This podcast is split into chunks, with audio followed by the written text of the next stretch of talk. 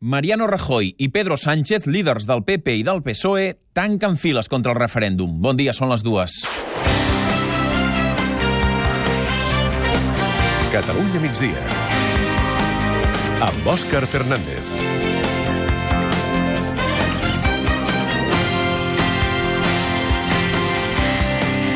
Aquesta tarda es reuneixen a les 5 al Palau de la Generalitat els partits independentistes i Podem per parlar dels nous passos que s'han de fer cap al referèndum. De seguida abordem la polèmica interna d'aquesta reunió perquè el gruix dels comuns, Catalunya en Comú, ha decidit que es queda fora. Però abans, repassem les prevencions a la reunió que han arribat des de Madrid. A mig matí, la Moncloa ha convocat a correcuita una roda de premsa en què inicialment s'havia de valorar per part de Soraya Sáenz de Santa Maria, la vicepresidenta espanyola, els suports als pressupostos, l'últim, el dels canaris, que garanteixen la seva aprovació. I després, la mateixa vicepresidenta ha repetit el mantra de la darrera setmana. Si Puigdemont vol alguna cosa, que vagi al Congrés.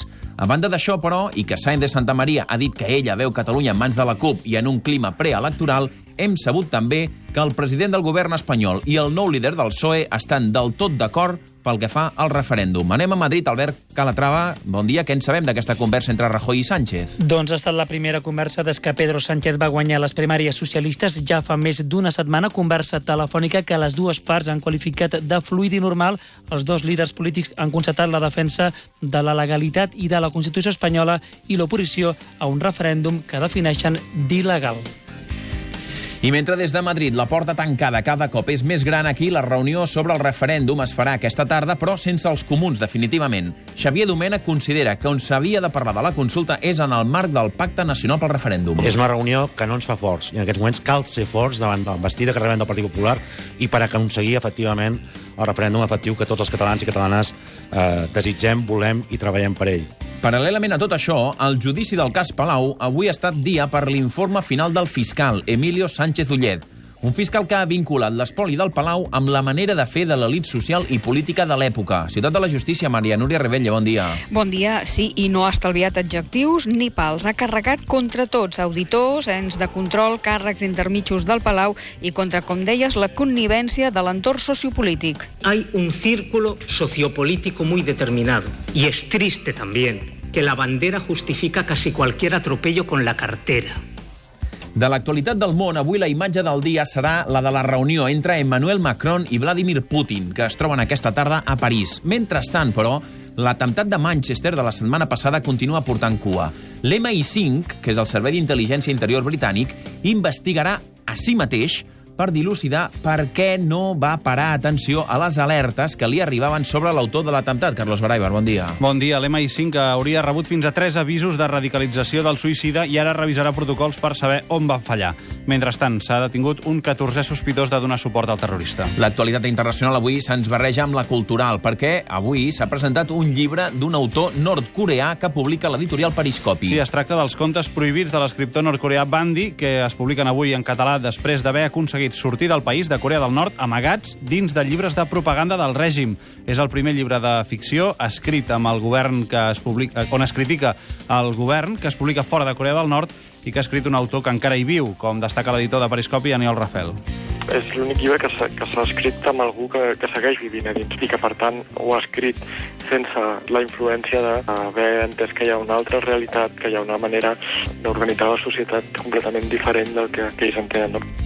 I després de l'escridassà del bisbe de Solsona, després de la missa, ahir a Tàrrega, l'alcalde de la capital del Solsonès ha comparegut per reprovar les declaracions del bisbe on deia que l'homosexualitat es deu a la manca d'una figura paterna a la família. L'alcalde fins i tot ha dit que li ha demanat personalment al bisbe que rectifiqui. Solsona, Eloi Barrera, bon dia.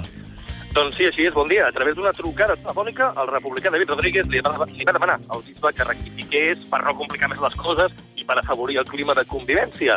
El bisbe li va dir que ja s'ho pensaria, però això ja en fa gairebé una setmana i aquí ningú ha dit res. I els que tingueu la intenció de treure-us el carnet de conduir abans de l'estiu, que sapigueu que potser no ho podreu fer. Aquest divendres els examinadors comencen una vaga que ha de durar durant tot el mes de juny i juliol i que pot deixar sense examinar gairebé 30.000 catalans. La vaga s'afegeix a un col·lapse que ja denuncien de fa temps les autoscoles. Que se n'han queixat explícitament les autoscoles de Girona al Catalunya al dia d'allà, de Girona. Clara Jordà, bon dia. Sí, parlen de manca permanent d'examinadors i manca també de personal per fer la documentació. Això limita els exàmens diaris que poden fer les autoscoles, frena la seva capacitat de créixer i sobretot perjudica els que es volen treure el carnet. Per tot plegat, un cop passi la vaga d'examinadors, anuncien també ells mobilitzacions. De l'actualitat de territori que arribarà quan ens passin 5 minuts de dos quarts, ja hem passat per Lleida i per Girona, que és el més destacat de Tarragona, Ricard Buigas. Injecció de més de 3 milions i mig d'euros per millorar el passeig de la Boca de la Mina, una de les àrees naturals de Reus que connecta la ciutat amb una de les seves joies modernistes, l'Institut Pere Mata. La consellera de Governació, Meritxell Borràs,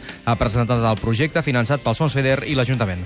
I avui acabem el repàs a Barcelona, Quim Balaguer. L'Ajuntament de Barcelona admet que hi ha un problema de saturació a les platges de la ciutat, però no es planteja la possibilitat de regular o limitar l'accés. L'any passat, prop de 5 milions de persones van visitar les platges de Barcelona durant la temporada alta.